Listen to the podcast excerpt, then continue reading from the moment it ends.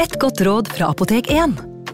Nå er snart pollensesongen i gang, og et godt råd til deg som sliter med pollenallergi, er å begynne behandlingen i god tid før allergisesongen starter. Da får du nemlig enda bedre effekt av legemidlene, og så blir ikke våren din helt ødelagt. Kom innom og få råd på ditt nærmeste Apotek 1, eller chat med oss på apotek1.no. Apotek 1 vår kunnskap, din trygghet.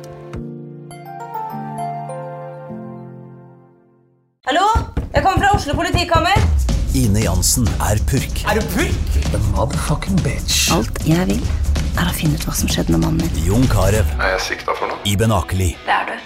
Ole So, Lars Berrum og Big Daddy Karsten. Hvem sin side er du på, egentlig? Anette Hoff, Tone Danielsen, Kommer du fra Afrika? Jørnis Josef, Nesten. Kløfta. Trond Espen Seim, Det er synd å si det, men det var feil mann som døde. Purk. Premiere tirsdag på TV2 Play. Ungsamtalen fra DNB er økonomisk veiledning tilpasset deg som er ung. Bokk en ungsamtale på dnb.no. slash ung. Det er kjempebra hvis du skal inn på boligmarkedet, hvis det er drømmen din, liksom. Det er det du skulle sagt. Og så kunne du ropt litt mer, da, sånn som jeg gjorde. Bam! Advarsel. Denne podkasten inneholder skildringer av ekte drap og kriminalsaker som kan være støtende for enkelte. Det advares også mot sterke inntrykk i deler av episoden. Han sier at jeg kommer til å dø, men jeg vil ikke dø. Det er så urettferdig. Hvis jeg overlever sommeren, drar jeg herfra med en gang. Tova Moberg, 19 år. Vold mot kvinner er et globalt problem, og ifølge en studie gjort av Verdensbanken er denne volden en så stor trussel mot folkehelsen at den kan sidestilles med hiv, aids og kreft. Den aller største andelen av voldstilfeller mot kvinner skjer i hjemmet, der man skal være tryggest. Der dine aller nærmeste som skal elske deg og gjøre deg glad, finnes. Det er dessverre store mørketall når det kommer til vold i nære relasjoner, mye på grunn av at offeret er flau over det som skjer, i tillegg til at de er redde for at volden skal eskalere, og at de kan risikere å bli drept. I en artikkel om temaet, publisert på Norsk helseinformatikk sine nettsider, anslås det at mellom 75 000 og 150 000 personer utsettes for vold i nære relasjoner i året. Dette er bare i Norge. En undersøkelse det vises til, presenterer en dyster statistikk som sier at mer enn hver fjerde kvinne og mer enn hver femte mann opplever at samboer eller ektefelle har utøvd fysisk makt mot dem mer enn én gang i løpet av forholdet, og at hver tiende kvinne og 2% av alle menn har opplevd voldsomme overgrep fra sin partner. Voldsomme overgrep kan være at de har blitt truet med eller blitt brukt kniv eller andre skadelige gjenstander på, at partneren har tatt kvelertak på dem eller slått, sparket, kastet dem i gulvet, ned trappen, for å ta noen eksempler. Mer enn 3% av kvinnene har opplevd fysisk vold fra partneren sin mens de var gravide. Statistikken blir ikke bedre, for det stopper ikke alltid med slag og spark som etterlater seg blåmerker, brukne ben og alvorlige traumer som ofrene kanskje aldri blir kvitt. De dør jo også. I 2006, der 30 drap ble begått, var ti av disse kvinner som ble drept av partneren sin. Mellom 2000 og 2007 ble 74 kvinner drept av ektefelle, samboer eller tidligere partner. 74 kvinner. Det viser seg at yngre kvinner er mer utsatt for fysisk vold fra partneren sin enn eldre, og det fører meg videre til denne episodens tema. Vi skal til Hudiksvall i Sverige denne gangen, der en 19 år gammel jente er livredd. Hun planlegger å klare å overleve frem til sommerferien, for da skal hun reise bort fra all volden hun utsettes for. Det blir ikke sånn. Velkommen til True Crime Poden.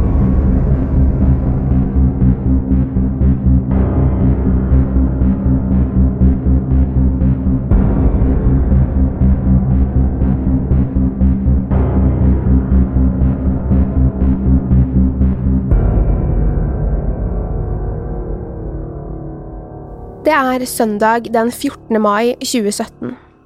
Det er opphold, men solen skinner ikke gjennom skydekket denne dagen. Lyset ute er hvitt, selv om det snart er sommer. I alle fall vår. Blomstene blomstrer, og bladene på bjørketrærne lyser av sommergrønt, selv om det fortsatt er litt kjølig ute. Denne søndagen er ikke som andre søndager. I hvert fall ikke for foreldrene til 19 år gamle Tova. De vet ikke hvor hun er. Hun kom ikke hjem i natt, selv om de avtalte at hun skulle det. Mammaen til Tova hadde kjørt henne til en venninne kvelden før, for de skulle på fest med noen klassekamerater. Tovas telefon er slått av, og hun har ikke vært aktiv på sosiale medier siden midt på natten, noe som er ulikt Tova. Foreldrene hennes har ringt rundt til venninner, men ingen har sett henne.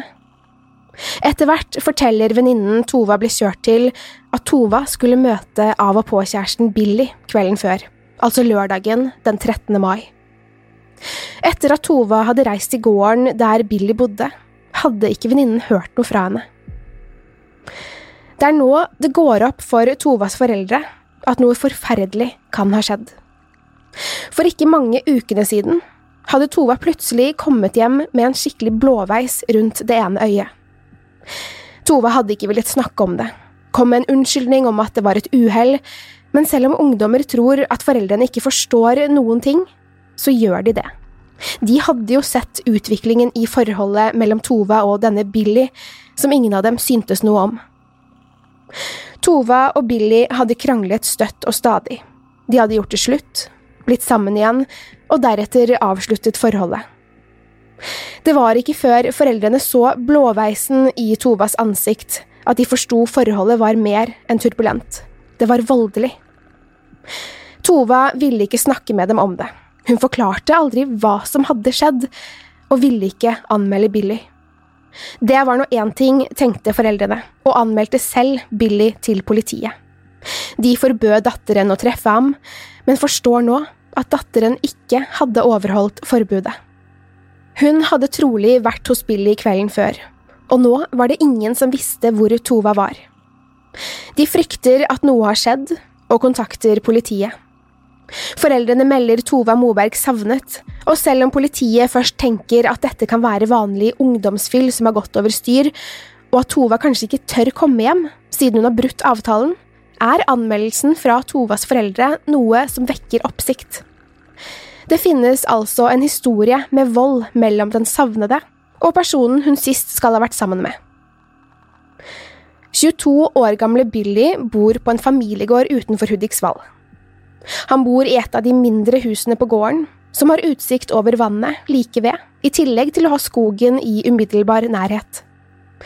Det er en fin gård, typisk svensk med rødmalte hus, hvite karmer, omkranset av grønn natur. Det lille vannet blinker når solen skinner ned på det, men ikke i dag. To politibiler er på vei til gården. Politibetjentene har allerede på følelsen av at noe er galt, og banker på døren til det lille huset der Billy bor. Det er tre personer i huset, Billy og to kamerater. Det er Billy som åpner døren. Han virker ganske rolig og spør hvorfor de er der, og politiet tar seg inn i gangen. Der ser de Billys to kamerater, som oppfører seg helt annerledes enn hva Billy gjør. De ser redde ut, kanskje litt nervøse. Politibetjentene snakker med alle tre hver for seg. De spør om noen av dem har sett Tova, men ingen av dem har det. Ikke siden i går, kommer det fra en av kameratene. Han ser seg rundt etter om noen kan høre han, og signaliserer at han har noe å fortelle, men sier likevel ikke noe mer. Betjentene forstår snart at historiene til de tre unge mennene spriker, og tar det med til politistasjonen. Ingen av dem kan fortelle samme historie, og det tyder på én ting de lyver. I mellomtiden er kriminalteknikerne på vei til Billys gård. I avhør virker Billy litt irritert. Det virker som han ikke ønsker å være der, og svarer etterforskerne frekt på spørsmål. Kameratene hans, derimot, de snakker. Etterforskerne kunne se på dem at de skjulte noe, og heldigvis gjorde de det eneste riktige. Begge to, uavhengig av hverandre, forteller at Billy har bedt dem lyve. Tova hadde vært på gården lenge, og plutselig var hun ikke der. Billy hadde vært borte en stund og bedt dem holde seg unna gårdsplassen. Kameratene hadde holdt seg unna, de hadde ikke sett noe, men begge forsto at noe hadde skjedd mellom Billy og Tova, og da Tova ble meldt savnet dagen etter, ble de veldig redde. Billy hadde truet dem til å fortelle en annen historie om hva som hadde skjedd natten før. Politiet tror nå at Billy har noe med Tovas forsvinning å gjøre. Han arresteres neste dag, mandag 15. mai, mistenkt for kidnapping. Er Tova virkelig kidnappet? Holdes hun fanget et sted? Har hun vondt? Er hun skadet? Kald? Sulten? Tovas foreldre lever midt oppi et mareritt, og de begynner å tenke det verste. Politiet også.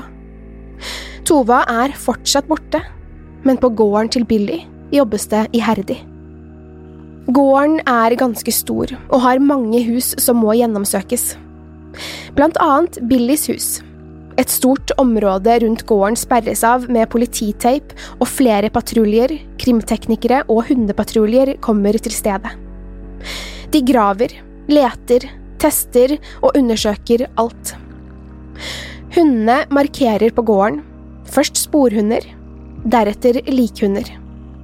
Er Tova død? Intensiteten på arbeidet trappes opp, og krimteknikere graver der hundene markerer.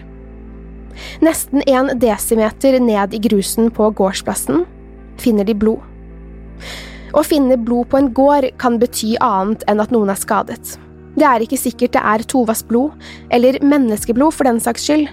Det kan være blod fra jakt eller slakting også, men inntil videre går politiet ut fra at noe har skjedd Tova på gården. Fra gårdsplassen leder noen hjulspor nedover en slak bakke mot vannet. Det er ikke spor fra en bil, sykkel eller traktor, men noe som kanskje kan være en trillebår. Krimteknikere finkjemmer veien som leder ned mot vannet, og de ser snart en haug med løv som ligger på bakken. Forsiktig fjerner de blad etter blad, for å ikke skade eventuelle bevis som kan befinne seg i haugen. Under alle bladene ligger en skinnrem med hekter i hver ende. Den er ikke så stor, men den kan trolig ha vært skulderremmen på en middels stor håndveske. Kan det være Tovas? Billy og kameratene avhøres på politihuset. Kameratene har allerede innrømmet at de løy for politiet i starten, men Billy er irritert og vil ikke svare ordentlig på spørsmålene. De spør han om han har alibi, og Billy forteller hva han gjorde på lørdagskvelden. Han sier han hentet Tova på den lokale Ica-butikken, og at de var sammen på gården hele kvelden, frem til ca. titiden. Senere hadde Tova reist. Han husket ikke helt når, men forteller at Tova ble hentet av en venn, en Billy ikke visste hvem var. Deretter hadde Billy gått og lagt seg for kvelden. Alibiet til Billy stemmer ikke med det kameratene fortalte, og politiet konfiskerer telefonen hans. De vil gå gjennom alt materialet på den, i tilfelle det finnes elektroniske spor som motbeviser Billys historie. Samme kveld som Billy forteller om alibiet sitt til politiet, altså mandag kveld, er krimteknikere på gården kommet frem til vannet, der hjulsporene leder dem. Dykkere er på plass og gjennomsøker vannet grundig. Ca 22 meter ut i vannet, fra stedet der hjulsporene hadde stoppet ved vannkanten, finner dykkerne en trillebår. Festet til trillebåren, med ståltråd og sølvteip, ligger en død person. På kroppen er det festet en stor felg, som for å forsikre at trillebåren med den døde kroppen ikke skal flyte opp.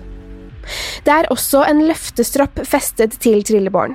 Det ser ut som den er tiltenkt for å heve trillebåren ved en senere anledning, trolig for å gjemme kroppen et annet sted. Kroppen i vannet har ikke ligget der lenge, kanskje et par dager bare. Det er 19 år gamle Tova som ligger der, i det kalde vannet, bundet fast til trillebåren, død. Hun var aldri kidnappet, hun var drept. Kroppen hennes har store skader, hun har voldsomme blåmerker rundt halsen, tegn på kvelning. Det er likevel de store hodeskadene som var dødelige. Ifølge obduksjonsrapporten er Tova slått med hammer minst 20 ganger i ansiktet og hodet. Det foreldrene fryktet, er et faktum. Tova Datteren deres er død. Drept. Hun som var så full av liv, er borte. Tova var en livsglad jente. Hun gikk siste året på videregående og skulle ta studenten til sommeren. Faktisk skulle hun ta studenten, altså avgangseksamen, bare en måned senere, men det fikk hun aldri gjort. I Sverige feirer de studenten istedenfor russetid. De har studentball, fin middag og flere arrangementer i dagene før skolen er ferdig. De har på studentluer og står bakpå for eksempel lasteplan mens de vinker til foreldre, søsken og venner. Det er en stor begivenhet å ta studenten, som på en måte markerer starten på voksenlivet, når de håpefulle skal ut i den store verden, kanskje studere, jobbe eller reise. Tova gledet seg til å ta studenten, for da kunne hun reise bort. Studenten var, som nevnt, bare en måned unna, men Tova fikk aldri oppleve det. Hun levde ikke lenge nok. Det viser seg at Tova hadde mer å tenke på enn bare studenten, for politiet finner dagboken hennes. Tova har skrevet mye i dagboken, men ikke om vanlige tanker og følelser en tenåringsjente har. Tovas dagbok var som tatt ut av en psykologisk thriller, hvor Tova selv beskriver hva hun har gått gjennom den siste tiden. Ingen visste hvor ille det var, for Tova holdt på hemmeligheten. Tova var livredd, hun fryktet for livet sitt. Hun hadde blitt slått, sparket, truet og banket opp flere ganger. Hun beskrev et terrorregime hvor Billy, kjæresten hennes, ikke lot henne snakke med noen av det motsatte kjønn, hun fikk ikke ha kontakt med venner, Billy skulle vite hvor hun var til enhver tid, og svarte hun ikke, fikk hun betale for det neste gang de så hverandre. Hun hadde blitt grovt mishandlet av Billy over lang tid, både psykisk og fysisk. Billy hadde som oftest slått henne på kroppen, og på steder der merker og sår ikke kunne sees fordi de ble gjemt under klærne. Ingen hadde sett noen merker på henne, ingen hadde lagt merke til at hun var redd, for Tova var bestemt på at ingen skulle vite. Hvis noen hadde visst, ville det bli verre. Likevel, en dag da Billy hadde slått henne flere ganger, fikk hun et stort blåmerke i ansiktet. Hun prøvde å skjule det, men foreldrene så det. Tova ville ikke fortelle hva som hadde skjedd, og prøvde å finne på plausible unnskyldninger. Hun håpet at de skulle slutte å spørre, men foreldrene gjorde det alle foreldre hadde gjort. De anmeldte Billy, de forbød Tova å treffe han, men det hjalp ikke. Tova skulle ønske at det gikk over, men Billy fortsatte å true henne, så hun turte ikke annet enn å treffe han i smug. Billy trodde ikke på at Tova ikke hadde noe med anmeldelsen å gjøre, og akkurat som hun hadde fryktet, ble alt bare verre. Billy skrev flere tekstmeldinger til Tova, hvor det sto blant annet dette. Når du tar studenten, kommer det til å bli mingling, og hvis det blir det, vil du bli skamslått den kvelden. En annen melding like etterpå sier Tro aldri at jeg tuller om det med studenten. Han skriver også du er en dum feminist som ikke har noen grenser for hva som er rett og galt. Du fortjener ikke en dritt. Slike meldinger kom hele tiden. Andre var grovere, noen var mildere, men mer skremmende. De var ment for å skremme Tova, for at hun skulle vite at hun aldri kunne slappe av. Det gjorde hun ikke heller. Politiet finner en USB-stikk på Tovas rom, godt gjemt slik at ingen skulle finne den. Eller skulle kanskje noen det? Innholdet på USB-stikken var nemlig både sjokkerende og veldig nyttig for etterforskningen.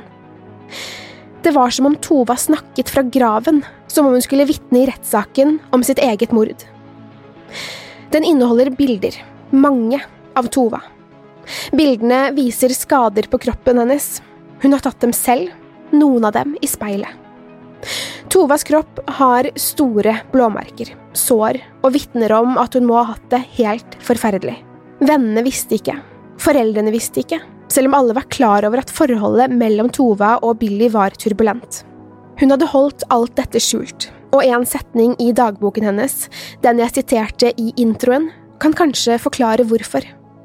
Hun skrev, Han sier jeg kommer til å dø, men jeg vil ikke dø. Det er så urettferdig. Hvis jeg overlever sommeren, drar jeg herfra med en gang. Tova hadde planer om å rømme, reise langt bort fra Hudiksvall for å redde livet sitt, og nå var hun død. Billy konfronteres med bildene og dagbøkene. Han nekter for å ha skadet Tova. Politiet viser ham bildene hun selv har tatt, hvor hun er blå og svart på armene, brystet, ryggen, halsen, og Billy trekker på skuldrene. Han virker uberørt av dem, som om han ser på bilder av noe helt vanlig. De leser høyt fra Tovas dagbok, og Billy blir irritert.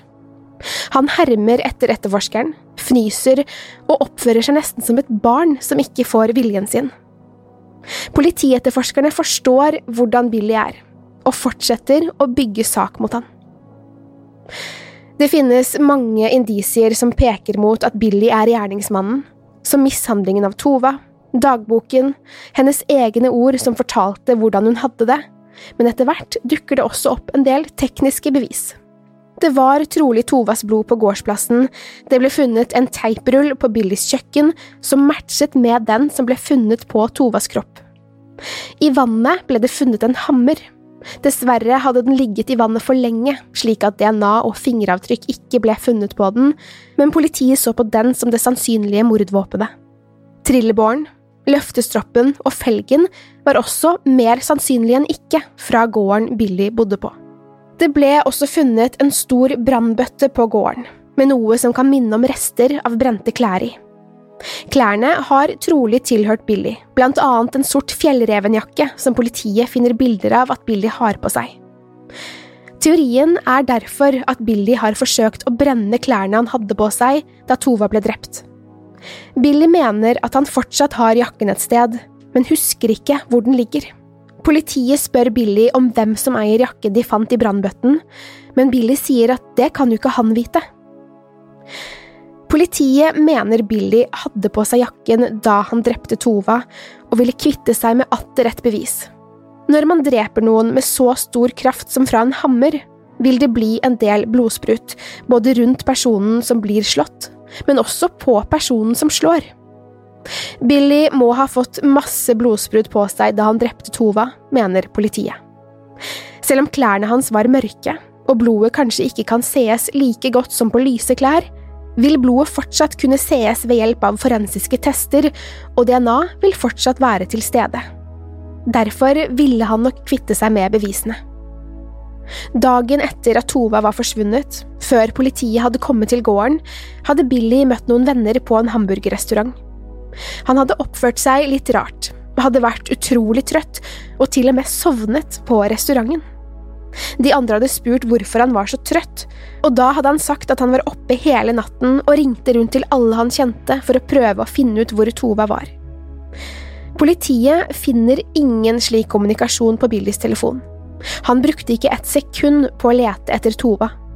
Han visste jo hvor hun var.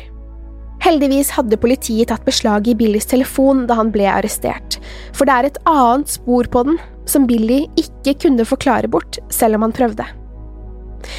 Billys telefon hadde en skritteller som hele tiden registrerte hvor mange skritt Billy tok, hvor han var da han gikk, og når de ble registrert.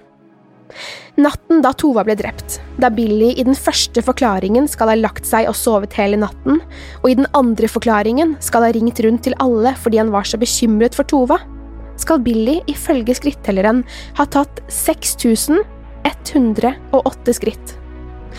Det tilsvarer en distanse på 3,66 km ifølge NFC, Nasjonelt forensisk sentrum, som foretar de krimtekniske undersøkelsene og analysene i annet drapssaker. Billy kan umulig ha sovet på dette tidspunktet, mener de. Han må ha gått mye den natten da Tova døde, og han konfronteres med beviset.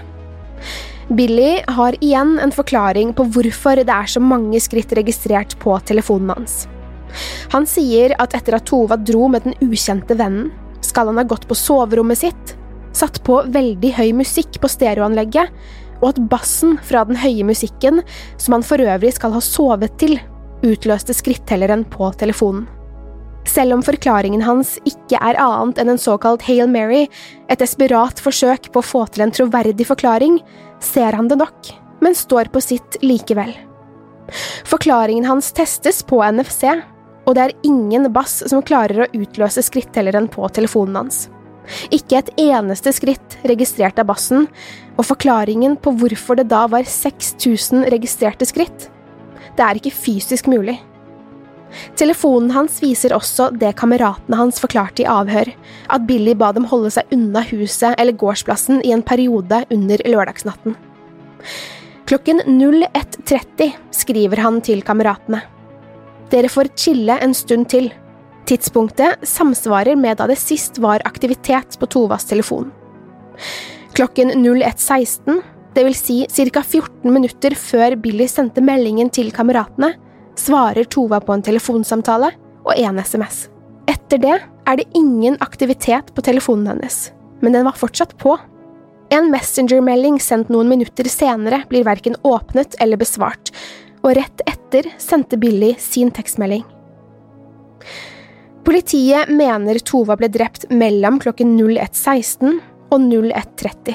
Det er etter dette at alle 6108 skrittene på Billys telefon registreres. Klokken 02.20 slås Tovas telefon av.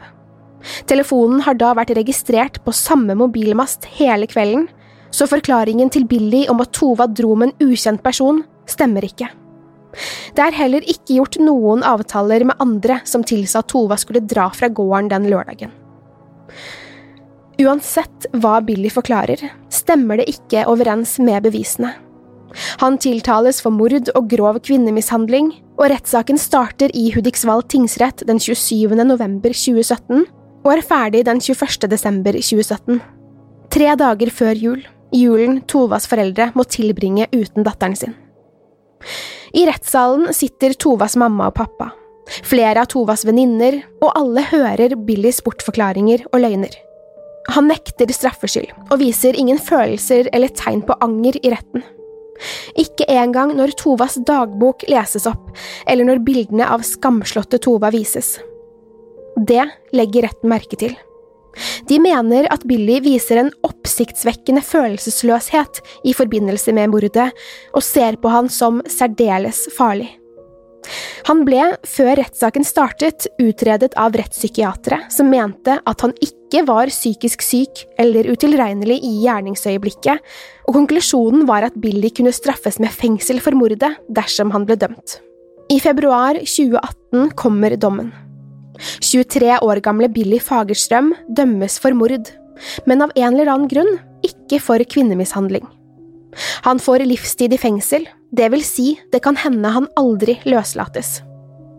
Det kom nok ikke som noen overraskelse på Tovas familie og venner at Billy ble dømt, men Tovas far følte bare tomhet. I et Facebook-innlegg gjengitt i Aftonbladet skriver han. Kanskje burde jeg kjenne noen form for tilfredsstillelse nå som Tovas morder dømmes til livstid i fengsel, men dessverre gjør jeg ikke det. Et så alvorlig lovbrudd kan det etter min mening aldri sones noen ordentlig straff for. Den dagen han slippes fri og anses for å ha sonet sin straff, så er Tova fortsatt borte. Hun kommer aldri tilbake. Jeg kjenner ingen tilfredsstillelse. Jeg kjenner bare en enorm sorg og et stort savn etter datteren vår. Billy er heller ikke helt fornøyd. Han sender et håndskrevet brev til retten og ber om gjentakelse av saken. I brevet kommer det frem at han synes synd på seg selv. Han starter med å skrive. Jeg er bare 23 år gammel og har blitt dømt til livstid i fengsel. Han ønsker å anke, for Billy mener advokaten hans er grunnen til at han ble dømt. I brevet står det blant annet. Jeg og min advokat har ikke samme syn på opplegget rundt mitt forsvar. Det jeg ønsket at skulle komme frem, har ikke advokaten lagt stor vekt på. Han skriver også at han ønsker forsvarsadvokaten Thomas Olsson, som blant annet er kjent som advokaten til Sture Bergwall, bedre kjent under navnet Thomas Quick. Dommen mot Billy opprettholdes og fastslås av lagmannsretten, og Billy skal sone livstid i fengsel. I mai i år, altså 2019, innrømmer Billy Fagerstrøm å ha drept Tova Moberg. Han innrømmer det i en dokumentar gjort av svensk TV3. Aktor i saken, Christer Sammens, sier at han er litt overrasket over innrømmelsen, men at det nok er taktisk lurt av Billy å innrømme drapet nå, istedenfor i retten, hvor han slapp å svare på spørsmål om selve mordet. Sammens mener Billy trolig innrømme drapet for å kunne søke om tidsbegrenset straff ved en senere anledning. Blir du, eller noen du kjenner, utsatt for vold i hjemmet, så finnes det hjelp å få. Vær så snill og snakk med noen, vi har ingen å miste. Det er ikke din feil uansett hva du tror, uansett hvor lenge du har blitt i forholdet. Du kan finne nyttig informasjon på nettsiden dinutvei.no, og du kan også ringe anonymt på VO-linjens døgnåpne telefon på 116 006. 116 006. Det er gratis, anonymt, og du kan få krisehjelp, eller kanskje du bare trenger å snakke med noen om det du opplever. Du trenger ikke være alene om dette. True Crime Podden er produsert av moderne media. Mitt navn er Pernille Tufte Radeid, og jeg vil takke Håkon Bråten for produksjon, lyd og musikk. Dersom du liker denne podkasten, gi oss gjerne fem stjerner i iTunes. Til neste gang, pass på deg selv, og takk for at du har hørt på True Crime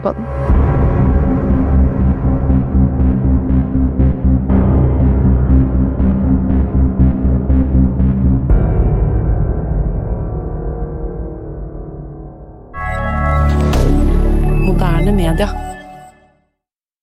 Har du et enkeltpersonforetak eller en liten bedrift? Da er du sikkert lei av å høre meg snakke om hvor enkelt det er med kvitteringer og bilag i fiken, så vi eh, gir oss her, vi. Fordi vi liker enkelt. Fiken superenkelt regnskap. Hei! Takk for at du lytter til True Crime Podden. Skulle du ønske at du kunne høre en ny episode av denne podkasten hver eneste uke? Vel, da er det bare å laste ned podkastappen Untold med en gang. I tillegg til ukentlige episoder av podkaster som Skrekkpodden, Synderne og Henrettelsespodden, får du masse annet reklamefritt og eksklusivt innhold. Last ned Untold i AppStore eller Google Play, og start din 30 dagers prøveperiode i dag.